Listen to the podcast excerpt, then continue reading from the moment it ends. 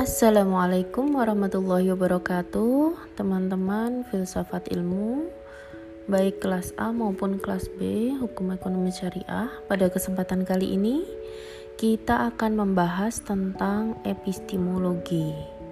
Nah, epistemologi pasti sering dengarkan.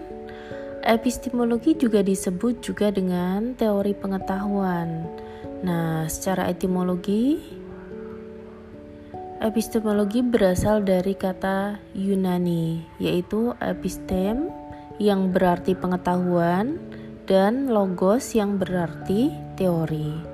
Nah, epistemologi dapat didefinisikan sebagai cabang filsafat yang mempelajari asal mula atau sumber, struktur, metode, dan sah atau tidak sahnya sebuah pengetahuan.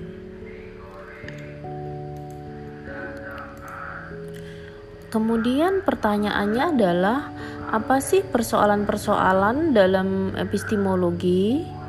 Yang pertama, persoalan dalam epistemologi adalah bagaimana manusia dapat mengetahui sesuatu. Kita sudah mengetahui bersama bahwa dalam filsafat adalah kenapa kemudian manusia sering mempertanyakan keberadaan benda-benda atau apa pun yang ada di sekitarnya. Maka, epistemologi akan menjawab bagaimana seorang manusia dapat mengetahui sesuatu. Nah, yang kedua adalah dari mana pengetahuan itu diperoleh.